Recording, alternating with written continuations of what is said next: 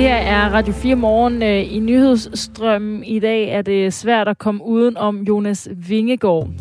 Og hans øh, hjemstavn, den nordiske by Hillerslev, er øh, kommet på verdenskortet, også efter cykelstjernens Tour de France sejr i går. Men hvordan oplevede Hillerslevs borgere det selv? Vores kollega i Jysk Fynske Medier, som er journalist på Ringkøbing Dagblad, Christian Bådskov, som også er vokset op i Hillerslev selv, var hjemme for at fejre byens helt store cykelheld. Og vi skal høre, hvordan det lød om øh, 20 minutter.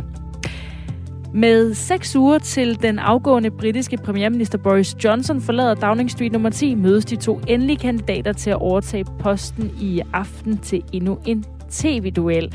Og vi skal øh, lige mærke, hvordan styrkeforholdet er mellem dem sammen med journalist Morten Rønnelund om 10 minutters tid. Nu er klokken 6 minutter over 8. Mit navn er Astrid Date. Nummeret herind, hvis du har input eller spørgsmål, er 1424. Godmorgen. Jonas Vingegaards sejr i årets Tour de France er blandt øh, de helt store danske sportsresultater i historien. Men midt i al rosen, der skal vi også huske, at det er en holdindsats, der ligger bag danskernes tursejr. Det mener Hans Nartorp, som er formand for Danmarks Idrætsforbund. Godmorgen. Godmorgen.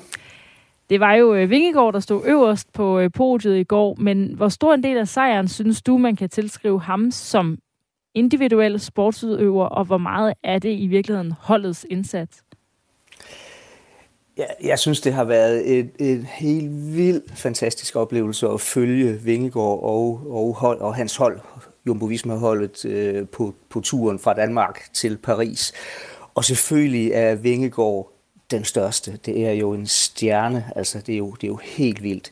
Øh, men jeg synes også, at det er meget, meget tydeligt og meget glædeligt at, at se, hvordan Vingegaard har formået at være en kaptajn, en chef for sit hold på en, på en måde, så hele holdet har har fundet den her fantastiske glæde ved at gøre Vingegaard, den individuelle øh, atlet, til, til vinderen her, samtidig med, at holdet også kan ses. Altså samspillet mellem Vingegaard og Wout van Aert er jo, er jo helt tydeligt den gule og den grønne trøje. Altså, ja, ja, ja, det er jo lige så det giver tårer i øjnene at se, hvordan, hvordan de to øh, er, et, er et udtryk for et, et, altså et symbol på det samarbejde her. Og der må jeg bare tage hatten af for Vingegaard. En ting er, at han vinder Tour de France, men måden han gør det på, og den den glæde, som alle udstråler ved, at Vingegaard får lov til at vinde det her, og faktisk, og, og han skal jo også kunne det, altså han er jo i sin forrygende form, og han er jo en, en, en, en klasseatlet, verdensklasseatlet, men de under ham det. Og det synes jeg virkelig er, er det er virkelig det sætter virkelig øh, det sidste prik på den her præstation. Hvordan kan du se, at han er en god kaptajn for sit hold? De er der for ham. Altså, de er der for ham alle steder. De giver sig 100 procent. De giver sig lige så meget, som han selv gør. Og for at få øh, sådan en, en, en fantastisk individuel præstation på plads, som end som Vingegaard har gjort her, og det gælder parallelt i mange andre idrætsgrene også, så skal du have nogen rundt om dig. Og det gælder også trænere, og det gælder også dem, som ikke er direkte i konkurrence, men sandelig også inde på field of play, på ruten, øh, på banen, som vil det lige så meget som dig på dine vegne. Og, og hvis du ikke formår at skabe den ramme om dig, den respekt om dig, og, og være et, en god leder, og en, som man vil gå hele vejen for, ja, så bliver det sværere at lykkes med det. Og Vingegaard, han, han mestrer hele paletten her, og det synes jeg virkelig er, er der, der jeg tager hatten af, kipper med det hele for, for Vingegaard på det her. Det er meget, meget, meget flot. Jeg taler altså med Hans Nartorp, som er formand for Danmarks Idrætsforbund, om øh, hvad det er også er for en holdindsats, der ligger bag Jonas Vingegaards sejr i årets Tour de France. Og for ligesom at i tale sætte det lidt, det lidt nærmere, hvis, hvis øh, man nu forestillede sig, at øh, Vingegaards nærmeste rival, øh, øh, øh, Tadej Pogacar, hvis de nu byttede hold, altså, havde, altså ville det så stadigvæk have været øh, Vingegaard, der kunne have vundet? Altså Vingegaard er i sit livs form, og han er en fantastisk atlet, og, og man kunne jo også se, at når det kom til duellen øh, en mod en, når det var Vingegaard mod Pogacar, så var det Vingegaard, der trak det længste strå, de gange, hvor det virkelig klemte på. Øh, så så det, det, det skal jeg ikke kunne vurdere. Men jeg, altså, jeg, jeg, jeg synes jo ikke, jeg kunne se den samme platform, den, det samme hold i ryggen på Pogacar, som jeg kunne se på Vingegård. Og øh, om, om, om, det, om, det, om man sådan kan, kan, kan lave den sammenligning en til en, det, det ved jeg ikke. Men jeg tror også, det er vigtigt, at man skal, man skal se det i den kontekst, man er i. Altså Vingegård er for mig fuldstændig klar over, at holdindsatsen bærer det her. Og så kigger han på det hold, han, han har, og den måde, som han agerer på, gør holdet stærkere, og dermed bliver han selv stærkere. Og det er jo noget, vi i dansk idræt hele tiden prøver på at, øh, at få til at fungere lige præcis på den måde i alle idrætter, vi er i. Altså vores individuelle atleter, som bliver rigtig, rigtig dygtige, de bliver dygtige af at træne med deres nærmeste konkurrenter øh, i dagligdagen i Danmark. Og, øh, og det skal man kunne. Altså man skal kunne finde ud af at være sammen i det her rum her. Det er et eksempel på det. Og øh, jeg synes, Vingegaard han er en virkelig fantastisk repræsentant for øh, den rigtige måde at gøre tingene på. Han er den første danske vinder Tour de France siden Bjarne Ries vandt i 1996. De øh, fire danske etappesejre i årets tur er også en rekord, og de blev vundet henholdsvis Magnus Kort, Mads Pedersen og så også to af Jonas Vingegaard. Vingegaard vandt altså to etapper og den prikkede bjergetrøje og så den gule føretrøje i årets Tour de France. Og når vi jo så først har de rødhvide briller på, øh, så kan det jo være svært at rangere de sådan helt store sportslige succeser, vi har oplevet her i landet. Men hvis vi skal lave en form for skala, hvor ligger Vingegaards sejr så i Tour de France rent øh, sportshistorisk? Altså taler vi EM 92? Vi taler en af de aller, aller danske største sportspræstationer i historien. Hvor højt er Tordenskrald? Det er svært at måle der er ingen tvivl om, at øh, uanset hvordan man går ind og, og, og kigger på danske sportspræstationer, uanset hvorhen man har sine præferencer, hvilke idrætter man synes er de største hver især, så vil Vingegaards præstation for altid stå i blandt øh, kandidaterne til de største øh, præstationer i dansk idrætshistorie, i dansk sportshistorie, det er der ingen tvivl om. Så, så vi er helt oppe i toppen her. Og hvad håber du, at den sejr kommer til at betyde for dansk idræt? Jeg synes jo, at vi, øh, vi alle sammen har vist hele verden, at Danmark er en sportsnation, en idrætsnation, nu her med cykling, med øh, selvfølgelig Tour de France, som, øh, som virkelig et udstillingsvindue, at turen startede i Danmark, øh, med den kæmpe opbakning fra, fra, fra danskerne på hele ruten fra København til Sønderborg. Øhm, det, var, det var i sig selv fantastisk, og øh, vores danske rytter med, med Magnus Kort i, øh, i den prikkede trøje og gode indsatser undervejs, var også med til at sætte dansk cykelsport på, på landkortet allerede fra start, og så står vi med en turvinder i Paris. Altså, det kan jo ikke være, det kan jo ikke være skrevet bedre i et eventyr. Øhm, og så har, vi jo, så har vi jo rigtig mange flotte præstationer løbende øh, fra, fra mange andre dygtige danske atleter, og vi har, øh, vi har, vi har løbende mestre, og, og når vi har OL, så får vi hævet nogle gode, øh, nogle gode præstationer og medaljer hjem og så videre. Så jeg synes virkelig, at, at vi, øh, vi får vist vi får vist hele verden, at øh, man kan meget, når man gør det på den rigtige måde, og øh, selvom man er en lille nation, så kan man godt, øh, så kan man godt præstere det helt store holdindsatsen og øh, måden at gøre det på er en af de ingredienser, der skal til der. Lyder det fra Hans Nartop, formand for Danmarks Idrætsforbund. Det her er Radio 4 morgen. Klokken er 14 minutter over 8. Radio 4 undersøger afslørende fortællinger, du kan tage med på sommerferie. Hun ringede simpelthen igen og igen og igen, og det var, det var simpelthen dagligt. Og de stiller spørgsmål, er du blevet truet? Men så er svaret jo altså ja. Lyt til serierne Løgn og Morfin, Borgmesterens Søstre og Det Kirurgiske Eksperiment i vores app. Jeg føler mig lidt som en forsøgskanin. Ja, moral, det har hun ikke meget af. Radio 4 taler med Danmark. Med seks uger til den afgående britiske premierminister Boris Johnson forlader Downing Street nummer 10, der mødes de to endelige kandidater til at overtage posten i aften til endnu en tv-duel. Det står mellem den tidligere finansminister Rishi Sunak og så udenrigsminister Liz Truss, der altså endnu en gang mødes i tv-duel. Det betyder, at valget om, hvem der skal overtage efter Boris Johnson, går ind i en mere folkelig fase. Det mener Morten Rønnelund, som er journalist og følger formandsvalget her for Radio 4. Hvis man ser på den brede britiske befolkning, så betyder det, at det konservative valg af en ny formand bliver lidt mere legitimt. Man skal huske på, at det er 160.000 konservative medlemmer, der afgør hele landets næste premierminister. Og hvis det foregik i hemmelighed, uden debatter, bare inden for partirækkerne, så vil resten af befolkningen kunne med rette sige, øh, hvorfor kunne vi ikke få lov til at være bare lidt med og se, hvad der egentlig foregik inde i den her kamp. Så der er lidt åbenhed, der gør, at det bliver mere legitimt, at partiet selv vælger den næste premierminister, en som den brede befolkning dybest set ikke har stemt på. Dem, der så jo, det er jo så ikke den brede befolkning, der skal vælge, det er de cirka 160.000 konservative partimedlemmer, der skal vælge deres foretrukne kandidat, Truss eller Sunak.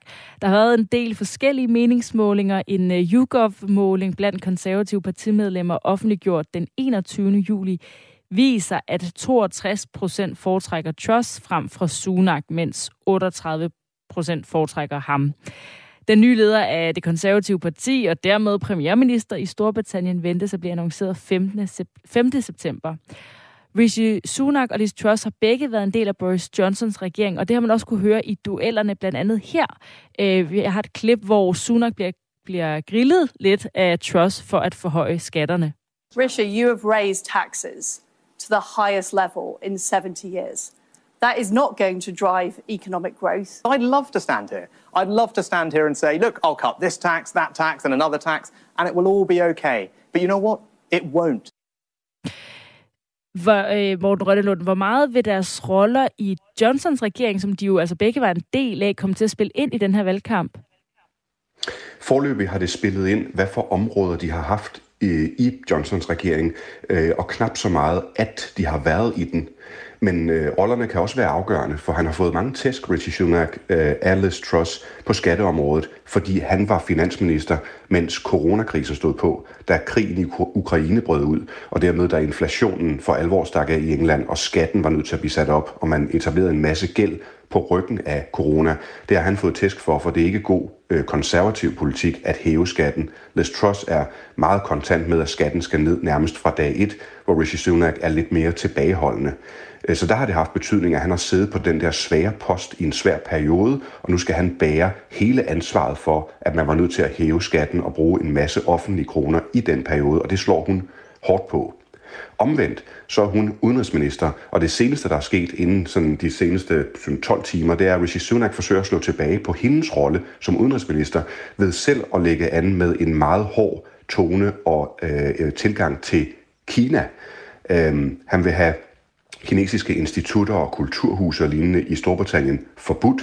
Han vil have kinesiske penge, der bliver øh, doneret til uddannelsesinstitutioner og lignende ud i det åbne. Altså en meget hård og kontant øh, tilgang til Kina. Og det taler jo til Trusses øh, tid som udenrigsminister og de sådan lidt mere diplomatiske tilgang, hun har måttet have der. Så på den måde bruger de hinandens roller i den her valgkamp.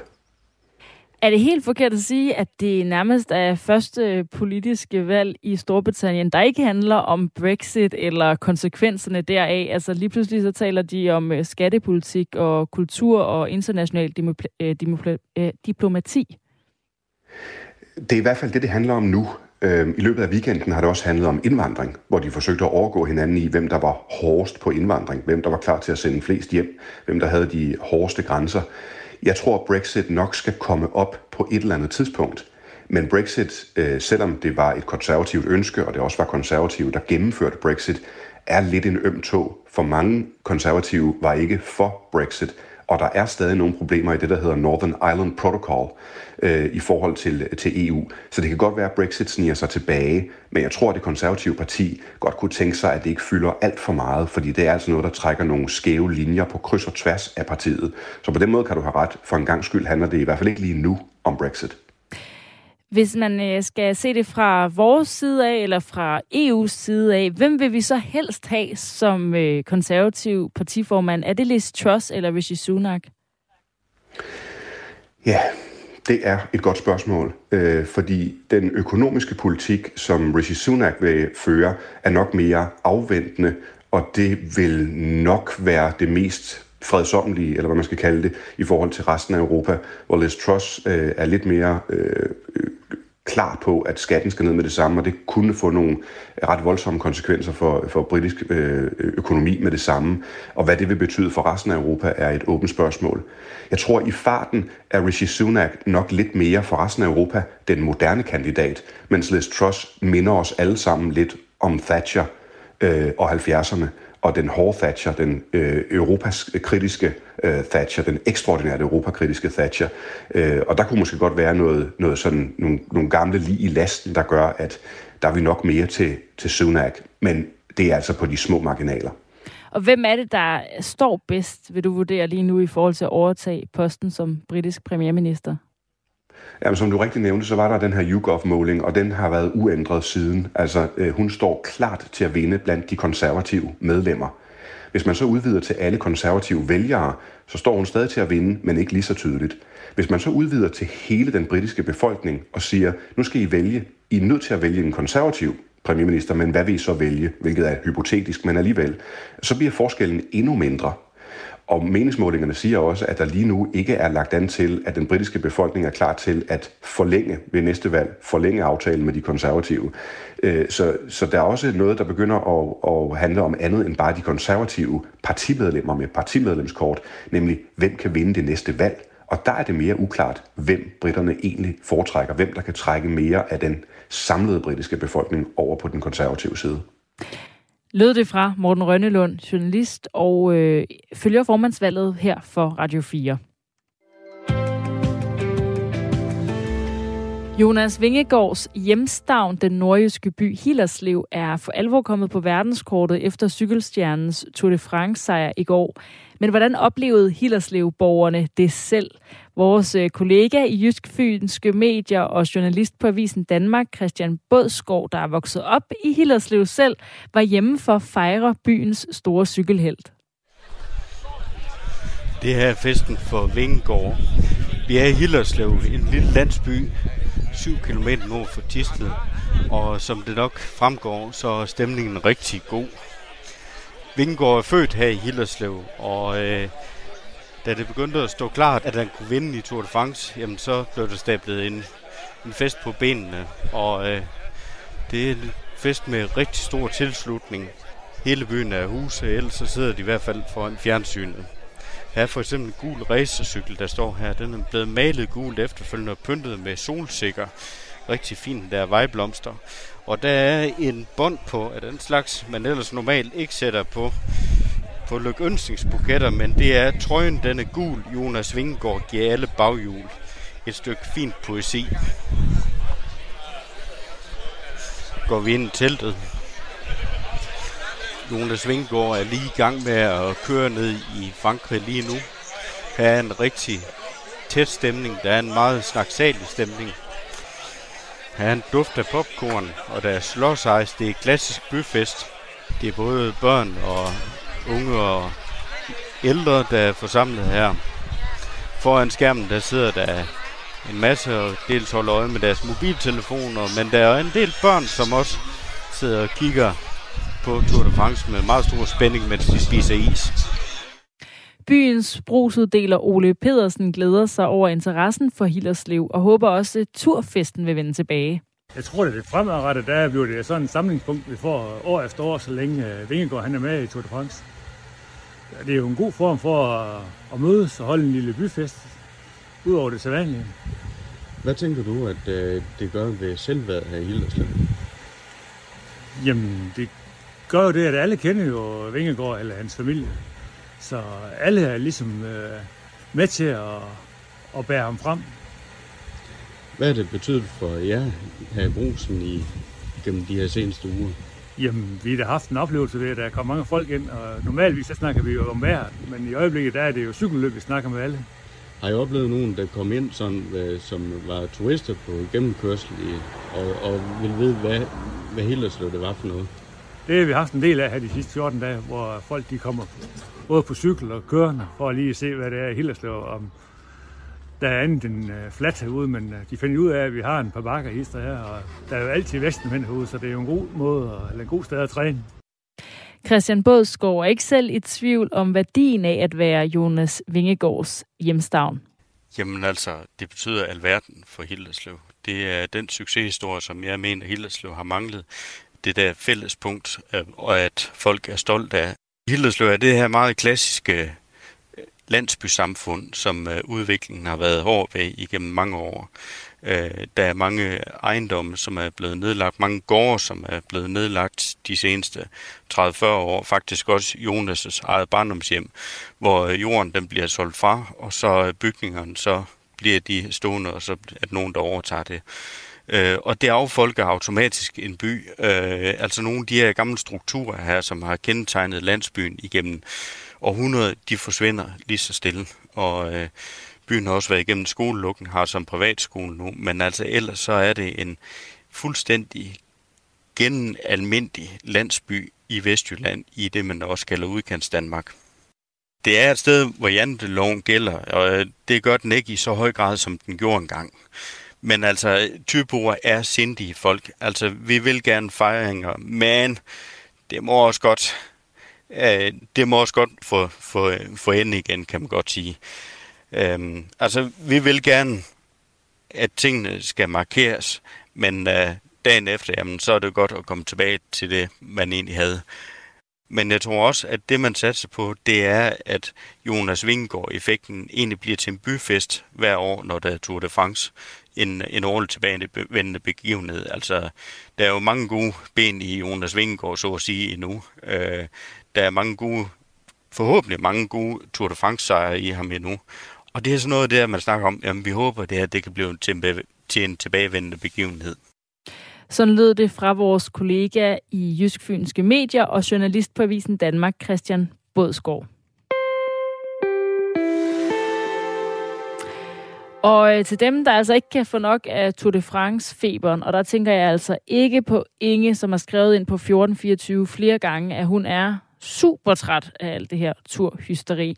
Men det kan jo være, at der er nogen, der er blevet øh, bit af det, og der er faktisk endnu et Tour de France i gang lige nu. Det gik i går startskud til det, der hedder Tour de France Femme. Femme betyder kvinder, og det er den første kvindelige udgave af verdens største cykelløb i 33 år. Tre danskere er en del af de øh, 144 ryttere, som altså indledte det genoplivede løb i Paris nogle timer inden herrenes udgave af løbet sluttede samme sted.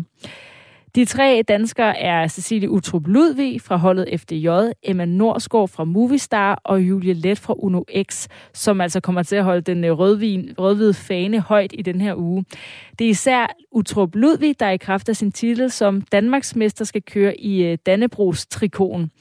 Trine Schmidt, som skal kommentere løbet på Discovery Plus, vil ikke udelukke, at Utrup vi kan køre med om øh, de sjove placeringer i klassementet.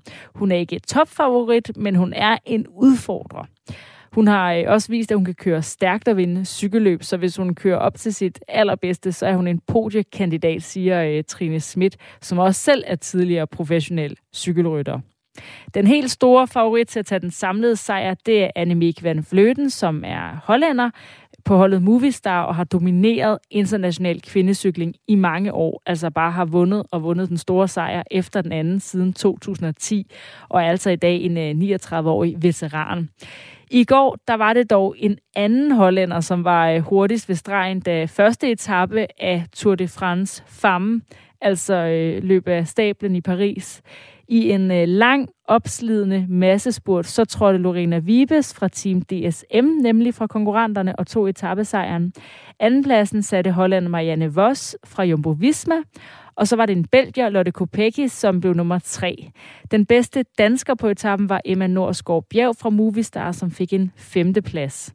Og det her Tour de France Femme, som altså er det første kvindelige Tour de France i 33 år, det strækker sig over otte etapper og afsluttes på søndag med en etape, som har mål på øh, den skrappe stigning La Superplanche de Belfi, hvor Tadej Pogacar vandt lige for næsen af Jonas Vingegaard på øh, syvende etape af herrenes Tour de France. Så der er altså lidt øh, Tour de France-feber endnu, og Tour de France, man kan kaste sig over, ud over den store fejring af Jonas Vingegaard, vi også kommer til at se i den her uge, både onsdag og torsdag. Nu skal vi til en omgang nyheder med Asbjørn Møller klokken er halv ni.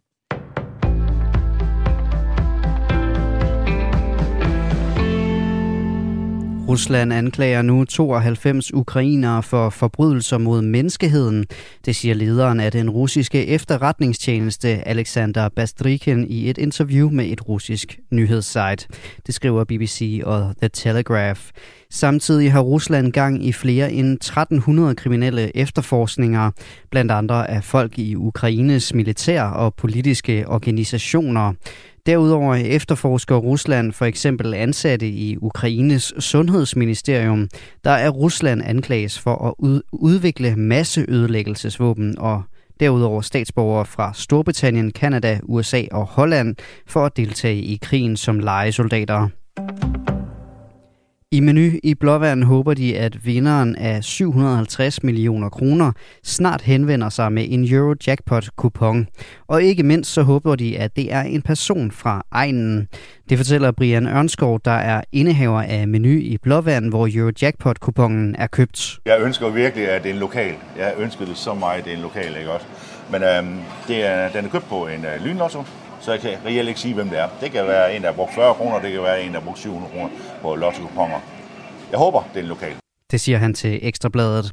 Fredag blev vinderen af det svimlende beløb udtrukket, men ingen har meldt sig endnu.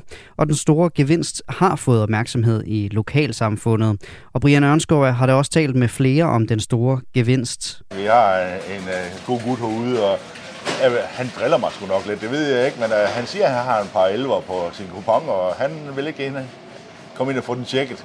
Nå, nu må jeg sgu have ringet til ham og se, om det er ham. Jeg håber det. Det vil være dejligt. Måske du snart kan få sprøjtet en dansk vaccine mod abekopper i armen. Det danske medicinalselskab Bavarian Nordic har de seneste måneder oplevet stor interesse for koppevaccinen Imvanex, som følge af det stigende antal tilfælde af abekopper rundt om i verden. Indtil videre har vaccinen dog kun været godkendt som vaccine mod abekopper i USA og Kanada. Det er der nu lavet om på. Selskabet fortæller i en pressemeddelelse, at man fremover også må markedsføre vaccinen som vaccine mod abekopper i EU-lande, og derudover Island, Liechtenstein og Norge. Når Jonas Vingegaard på onsdag skal køre i åben bil gennem København for at fejre sejren i Tour de France, så ser det ud til at blive uden regntøj. Der er en lille risiko for, at der kan komme en byge, men for nu ser det ud til, at det holder tørt, siger Erik Hansen, der er vagthavende metrolog ved Danmarks Meteorologiske Institut DMI. Termometeret vil ramme 16 grader, så både Vingegård og fremmødte fans kan overveje korte ærmer. Det ser ud til at være en ideel fejring af Jonas, siger Erik Hansen. Mindst 17 mennesker er omkommet efter, at en båd fuld af migranter fra Haiti er kendret ud for Bahamas. Det oplyste østatens premierminister Philip Davis i går på et pressemøde. 25 mennesker er reddet.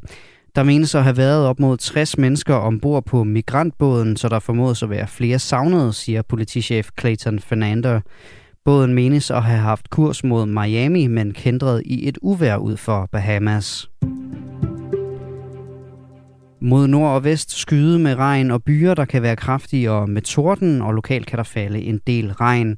I de sydøstlige egne først nogen sol, men ud på eftermiddagen skyde vejr med en del regn og byer, der kan være med torden. Dog tørt på Bornholm. Temperatur i Jylland op mellem 18 og 25 grader, mod øst 26 og 31 grader. Svag til frisk vind. Det var nyhederne her på Radio 4, og det var med Asbjørn Møller.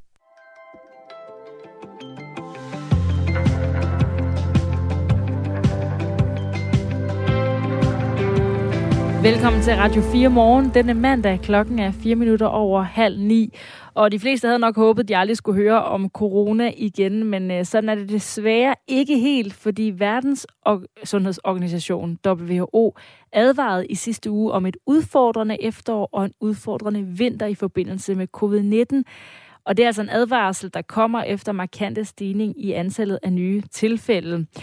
Så vi skal en tur ud i øh, Tivoli, hvor at vores reporter har fået fat i havedirektøren for at høre, om de er rustet til en ny periode med corona, hvad end den øh, kan komme til at byde, og hvordan de overhovedet kommer igennem en række nedlukninger og restriktioner sidste gang. Vi skal også øh, tale om Danmarks største lottogevinst på hele 760 millioner kroner. Ejeren er nemlig stadigvæk ikke blevet fundet, så der er altså en, der mangler at få en øh, rigtig, rigtig god nyhed. Men hvordan reagerer man egentlig, når man vinder så mange penge, og hvordan skal man gribe det an? Et af rådene lyder, at man skal holde det hemmeligt for sine venner og bekendte. Det siger John Ladekarl, som er millionærrådgiver for Danske Spil. Hør hvorfor klokken 10 minutter ind i 9. Nu klokken 6 minutter over halv 9. Jeg hedder Astrid Date. Godmorgen. Jonas Vingegaard stod i går øverst på podiet i Tour de France og øh, satte dermed punktum for et historisk Tour de France, i hvert fald set med danske øjne. Både jo fordi det endte med en dansk sejr, men mest fordi det jo for første gang også begyndte i Danmark. Alex Pedersen er tidligere cykelrytter og var en af hovedarkitekterne med til at skaffe de første tre etapper af turen til Danmark. Godmorgen. Godmorgen. Godmorgen. Hvilket indtryk sidder du tilbage med her på bagkant af det første Tour de France på dansk grund? Jamen altså, det har jo været en, øhm, en fantastisk rejse den sidste måned, øhm, og øhm, Jamen altså, øh, jeg kan jo ikke rigtig finde nogle ret mange flere superlativer og, og flotte ord, der er blevet sagt om det her Tour de France. Altså, øh, det hele startede, som du siger, i Danmark for, for en lille måned siden med en holdpræsentation inde i Tivoli, og, øh, og det sluttede af i går i Paris med Jonas Vingegaard på, på, på, på øverste trin øh, på sejrskamlen. Altså, øh, jamen selv vores, vores, vores tidligere digter og forfatter, Hans Christian Andersen, øh, kunne jo aldrig have skrevet en, et eventyr bedre end det her. Så det, er, det, det har været en helt fantastisk rejse fra vi fik ideen tilbage i maj 2012, og så til, til Jonas lukket den af sammen med selvfølgelig også alle de andre danske cykelrytter, som har gjort det fantastisk her øh, de sidste tre uger. Så, så det har været en helt ubeskrivelig god rejse. Du har jo også selv nævnt, at uh, turstarten i Danmark også handlede om at skabe opmærksomhed omkring cykelsporten. Og så har vi jo så uh, oveni en uh, Jonas Vingegaard, der jo også har uh, taget Danmark med storm og nu vundet det hele. Uh, og målet er altså også at få flere unge til at dyrke den her sport. Hvordan oplever du, at det er lykkedes? Jamen, det er rigtigt, at øh, jeg har jo gået lidt imod alle, alle eksperter, øh, der siger, at øh, fordi man har en, en stor elite, god elite, øh, er det ikke en at man har en god bredde. Og de samme eksperter siger også, at store events nødvendigvis ikke tiltrækker øh, nye medlemmer. Øh, og det håber vi jo virkelig på, at det her er gjort, og der må man sige, at de her sportslige resultater, de, de danske rytter med Jonas øh, i spidsen har leveret her de sidste tre uger, og at Tour de France er startet i Danmark.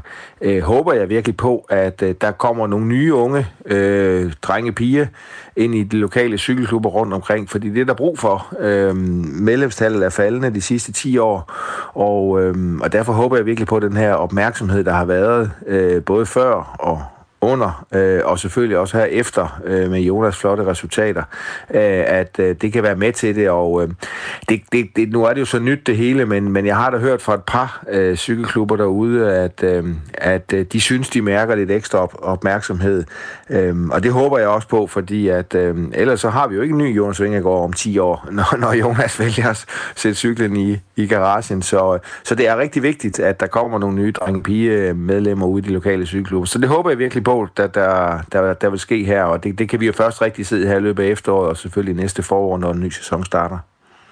Det er ikke øh, første gang, Danmark har haft en øh, rolle ved store cykelløb. I øh, 2011 havde vi VM i cykling i Danmark, og i 2012 en Giro d'Italia start i Herning og Horsens. Men øh, det har jo så fået en del mere opmærksomhed, trods alt det Tour de France, der øh, altså startede i år her med de tre første etapper på dansk grund. Det første var en enkelt start i København i regnvejr, men så var anden etape fra Roskilde til Nyborg i tørvejr, og tredje var fra Vejle til Sønderborg. Og hvis vi bare lige dykker ned i, i hvordan det var under de her etapper, øh, med dig, Alex Pedersen, som altså var med til at skaffe turen til Danmark, så var det jo især anden etape på øh, Storbæltsbroen, der havde været trækplaster på de danske etapper, og også noget, vi op til etappen talte utrolig meget om, om den her sidevind, der kunne øh, spætte feltet og så videre. Men i hvor høj grad levede, levede det egentlig op til, til forventningerne, og det, som du ligesom også skulle, skulle sælge den her etappestart på? Ja, men altså, øh, der er jo mange ting, øh, man kan være herover, øh, men, men en af de ting, man ikke er herover, det er jo vejret, og specielt den danske, det danske vejr, det, øh, det er jo meget lunefuldt. Og øh, jamen, altså, jeg er jo ligesom rigtig mange andre øh, lidt ærgerlig over, at der ikke var, altså vindretningen ikke var rigtigt på Storbritannien øh, den, den 3. juli, altså og rigtigt forstå på den måde, at der skulle være sidevind, sådan at cykelfeltet og cykelrunderne blev udfordret øh, på det, vi havde håbet på, og, og at krydse fingre for.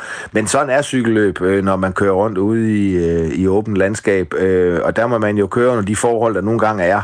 Øh, når det så er sagt, så synes jeg jo, det blev en, en, en flot etape, øh, der blev udfordret godt, rytteren blev udfordret godt øh, på, på bakkerne op i Nordvestjylland, og, og hele vejen ned langs Storbælt var, var der jo sidevind, og, og der var feltet også øh, godt udfordret.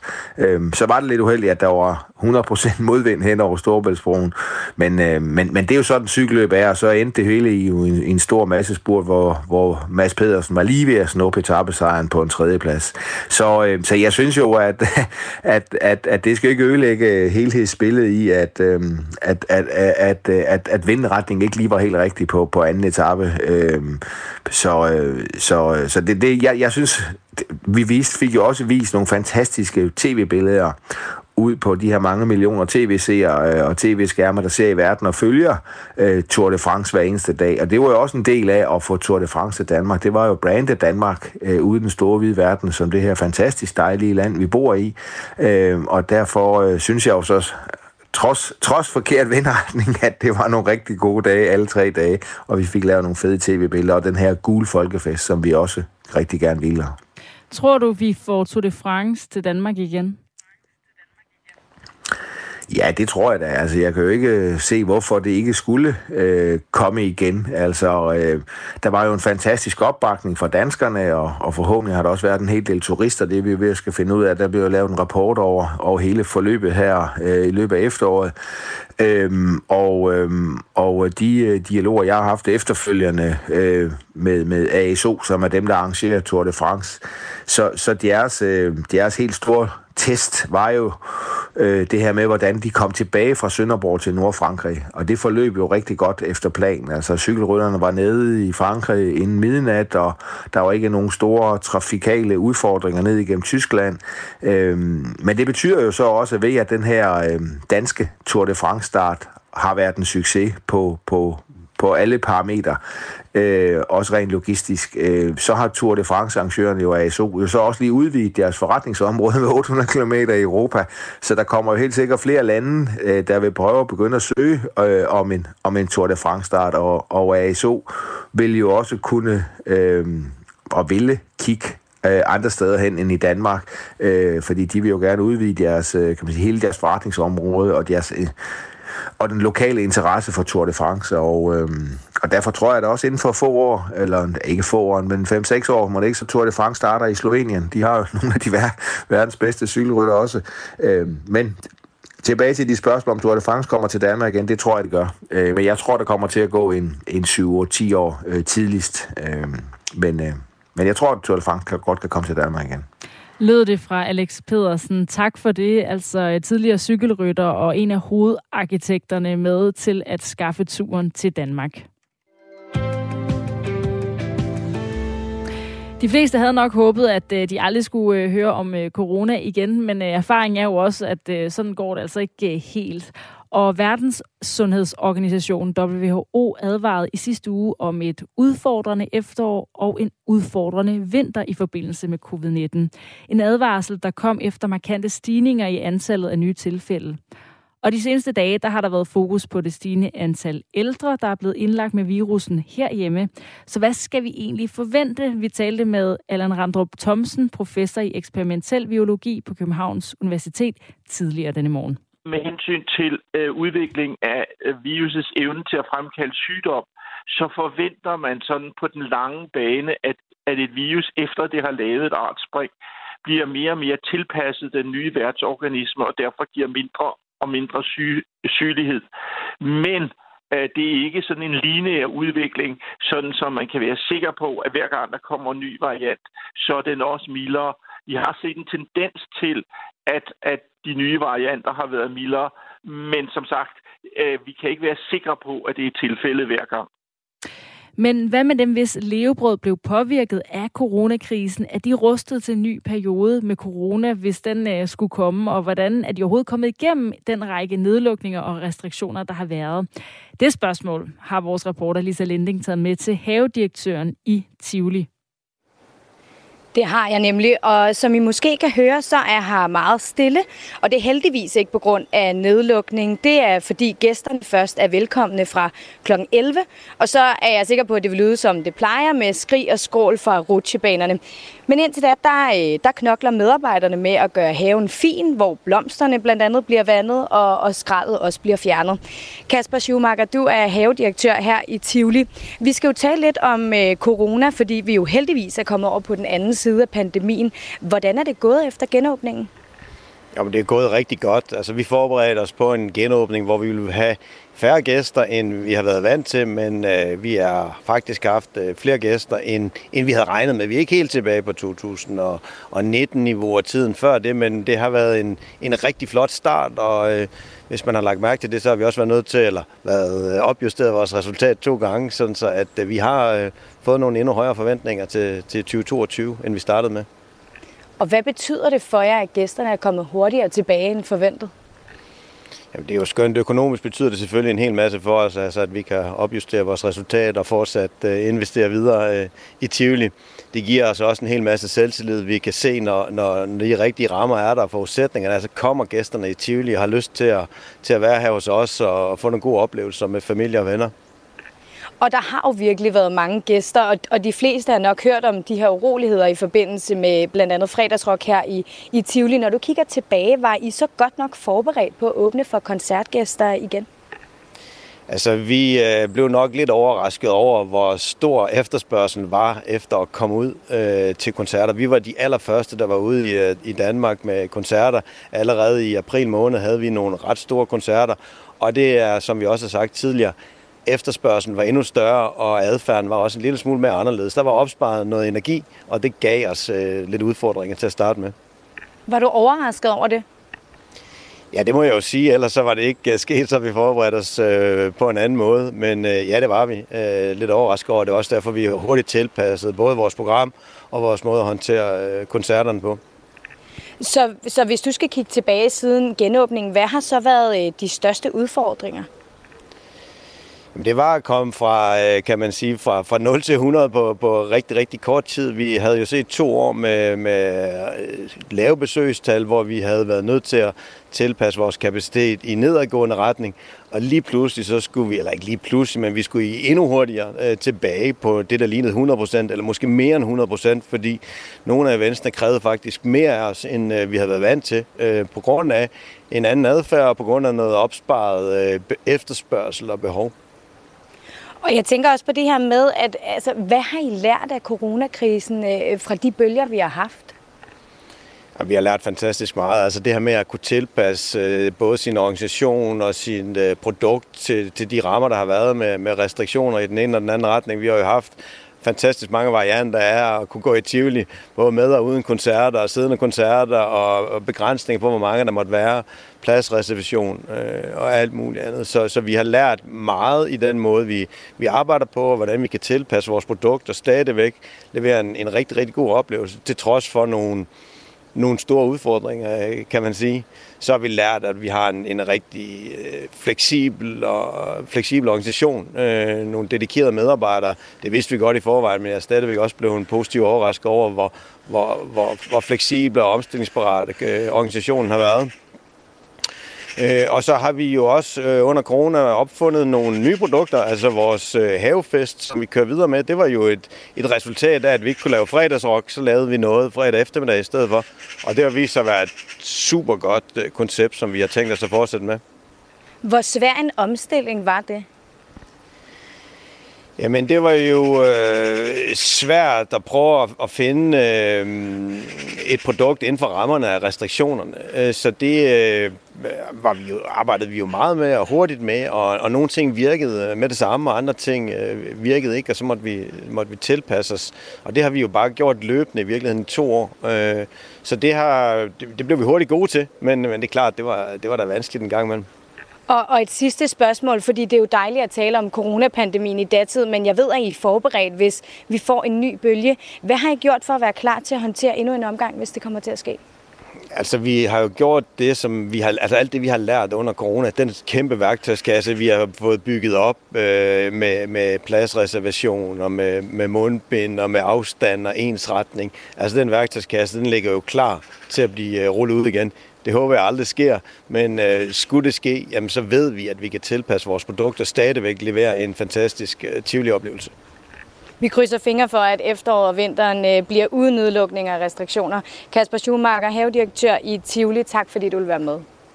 Det var vores reporter Lisa Linding, der har været ude ved ham. Og i Ring til Radio 4, vores øh, lytterinddragende debatprogram, der tager de det her spørgsmål videre. Er du bekymret for, hvor meget corona kommer til at fylde resten af året? Du kan være med fra øh, i debatten, og programmet begynder 5 minutter over 9. Der er stadig ikke fundet en ejer af Danmarks historiens største lottogevinst på hele 760 millioner kroner. Og hvad gør man, når man vinder så mange penge, altså ud over at få et øh, lille chok? John Ladekarl er millionærrådgiver for Danske Spil og har flere gange oplevet, når danskere har vundet store beløb. Han rådgiver nye lottomillionærer for Danske Spil, hvis vinderen bor i Østdanmark. Og ifølge ham reagerer folk meget forskelligt. Der er mange forskellige reaktionsmønstre, og de er sådan set ikke ens fra, fra vinder til vinder, men, men sådan generelt så tages hele følelsesregisteret i brug. Der er mange, der siger, at, øh, at de øh, næsten ikke har sovet en hel uge, efter det er gået op for dem, at de har vundet et, et stort beløb. Og, og de føler sig måske ikke helt sikre, før de kan se, at øh, pengene står på kontoen. Og så hjælper det rigtig meget at få besøg af en, en millionærrådgiver, der be, kan bekræfte, at de har vundet, og så ikke det mindst det forhold, at øh, danske spil altid tilbyder en akontoudbetaling af gevinsten, øh, når, når, hvad skal man sige, umiddelbart efter, at de vinder, deres vindertal er godkendte. Det er altså 759 millioner kroner skattefrit, øh, som øh, der lige nu er, øh, som Danske Spil lige nu leder efter ejeren af, altså hvem der har kupongen. Og det er altså den højeste præmiesum nogensinde i Danmark. Rekorden indtil nu lød på 315 millioner kroner, som en heldig dansker vandt i 2015. John Ladkar, ved, ved du, hvordan det er gået med ejeren af de 315 millioner kroner sidenhen? Øh, nej, det ved jeg faktisk ikke. Øh, det er ikke, det er ikke noget, som, som, som øh, jeg som rådgiver følger. Men jeg ved, at hun har været meget åben omkring det, og der var en... Øh, så, så, øh, så, øh, øh, men præcis hvordan det er forløbet, det, det ved jeg ikke. Jeg ved, at hun skulle hjælpe sine, sine børn ganske meget. Hun havde vist fem børn, tror jeg nok. Så, så på den måde, de synes, de har brugt, brugt fornuftigt. Du er øh, altså rådgiver for lottomillionærer for danske spillere. Hvis vinderen bor i Østdanmark, så er det dig, der ligesom skal ud og tale med vedkommende. Hvad er det første, man skal gøre, når man finder ud af, at man har vundet så mange millioner? Jamen altså, man skal jo, man skal jo øh, øh lidt afhængig, man kan jo spille på forskellige typer, på forskellige måder, altså enten det digitalt eller via en kupon. Og, og øh, man skal jo have verificeret med for danske spillere godkendt, at man er, er den rigtige vinder. Så det er det første, der skal ske have man kontakt øh, med Danske Spil og få, få, øh, få godkendt sin kupon. Og så sker der jo det, at Danske Spil øh, jo i relation til rådgivningen tager kontakt, spørger vinderen, om de har lyst til at få et møde med en millionærrådgiver, og så takker man ja til det. Øh, det. Det har man mulighed for, eller får tilbud, hvis man har vundet over halvanden million kroner. Så bliver jeg kontaktet, og øh, så kontakter jeg vinderen for at aftale et møde. Og, og øh, ja, fordi og hvis, du, hvis du så skulle, øh, altså fik den her opgave at skulle give råd og vejledning til vinderen af de 759 millioner kroner, hvordan vil du så gribe det an? Jamen, øh, det vil jeg gribe an som, som alle andre rådgivninger, men, men, men helt overordnet vil jeg sige, at man skulle øh, holde begge ben på jorden og lade det lande og holde sig, holde sig i ro og ikke træffe, træffe nogle overilede beslutninger. Der, der er rigtig god tid. Og øh, nu er det så mange penge, så, så, øh, så øh, man skal være meget, meget hvad man siger, øh, uheldig, hvis man, man, man, man ikke har penge nok resten af sit liv. Men som udgangspunkt, øh, så bør man øh, fortsætte med at leve, som man har gjort som hidtil, og fortsætte med at arbejde, beholde sin omgangskreds, beholde sine venner, fortsætte sine fritidsaktiviteter osv. til sit sociale liv. Og så skal man selvfølgelig finde ud af, hvad man skal bruge pengene på, og hvordan de skal bruges. Hvis man øh, skal fortsætte sit liv som, som før, og sit sociale og sit arbejdsliv, skal man så fortælle andre, at man har vundet, eller skal man holde det hemmeligt? Jamen altså, det er, det er øh, øh, mest fornuftigt ikke at, at, at udbrede det til for mange. Øh, det kan give øh, rigtig mange negative konsekvenser. Man skal egentlig bør egentlig kun orientere dem, man er helt sikker på, kan, kan, kan håndtere øh, kan håndtere, og den viden om, om øh, at man har vundet så mange penge. Hvorfor? Jamen, øh, det, er jo, det er jo fordi, det, det, det kan give øh, en, en række negative og unødige reaktioner for omverdenen. Det er jævnligt set, at øh, omgangskredsen ikke kan håndtere, at man har vundet. Og der kommer øh, måske hvad skal man så, øh, ønsker om, at, at øh, jamen, nu kan man jo hjælpe en med, med lån eller tilskud, eller som det helt naturligste, at, at, at, at, øh, folk mener, at de har del i, i gevinsten. Og det kan, det kan ødelægge venskaber og skabe nogle ubalancer. Og det kan også, øh, med sådan en stor gevinst, så kan man udstille man også sig selv øh, for, for, for kriminelle miljøer, der, der, der kan tænke sig og, og, hvad skal man sige, gøre noget, som ikke, ikke, ikke bør ske. Hvordan holder man hemmeligt, at man har vundet over 750 millioner kroner?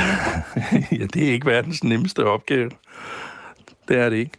Men øh, der er jo forskel. Der er jo nogen, der, der øh, stiller op i tv-udsendelser og fortæller om det, og virkelig udbreder det. Øh, og og øh, øh, det er efter min mening ikke, ikke rigtig godt. Man skal holde tæt med det, og, og øh, som, som sagt kun, kun sige det til dem, som, øh, som, øh, som man er sikker på, at han kan håndtere det. Der er nogen, som har sagt, at øh, jamen, de har fortalt det egentlig til hele venskabskredsen, og øh, så bliver de bliver de kontaktet og siger, Nå, sidder du nu og tæller alle dine penge, og, alle dine, og, og, og, og det er måske ikke sådan øh, det, man lige har brug for i situationen. Lød det fra John Ladekarl, millionærrådgiver for Danske Spil.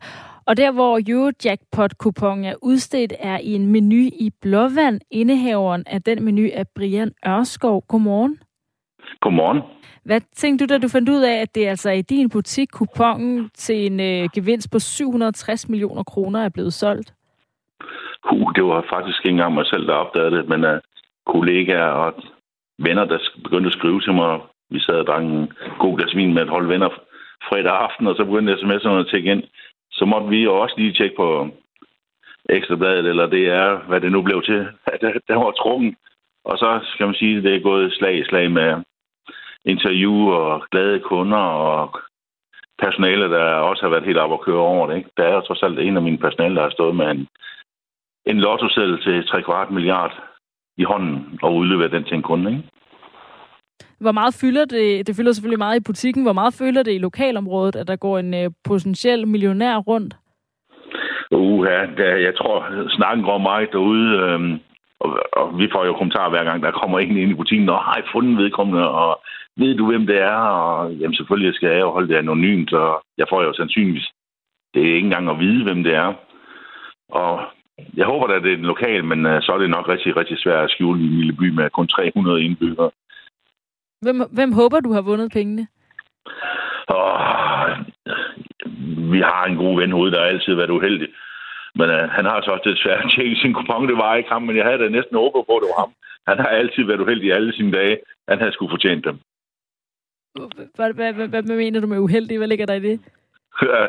han har altid, hvad, hvad skal man sige, truffet lidt af uheldige beslutninger, og nogen, der er kommet udefra, som han ikke selv har kunnet gøre ved, og han er en skide dejlig sød fyr, men uh, han, han har kunne, altid været uheldig. Han kunne have truffet en masse gode beslutninger med 760 millioner kroner. Det kunne han i hvert fald, både for sig selv og sin familie. Ikke? Æh, har det øget salget af lotto i din butik? Er der været en forskel siden, at det blev, øh, altså, at I fandt ud af, at det var jer, der simpelthen har solgt sådan en øh, millionærgevinstkupon?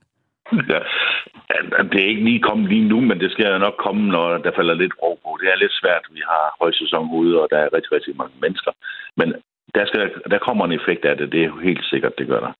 Men vi ved altså endnu ikke, hvem det er, der er ejer af den her lotto-kupon. Tak fordi du vil være med, Brian Ørnskov. Det var så lidt da, og god dag. I lige måde. Og det var altså indehaveren af Menu i Blåvand, som har solgt den Eurojackpot-kupon, der har udløst en gevinst på 760 millioner kroner, og hvor ejeren altså stadigvæk eftersøges. Det her var øh, Radio 4 morgen for i dag. Jeg er tilbage igen i morgen klokken halv syv. Det er sommersending, det vil sige, at vi går på en halv time senere, end vi plejer. Du kan starte med at høre Morgenmenneske, hvis du stadig tænder din radio klokken 6 om morgenen fra 6 til 6.30, og så er jeg tilbage.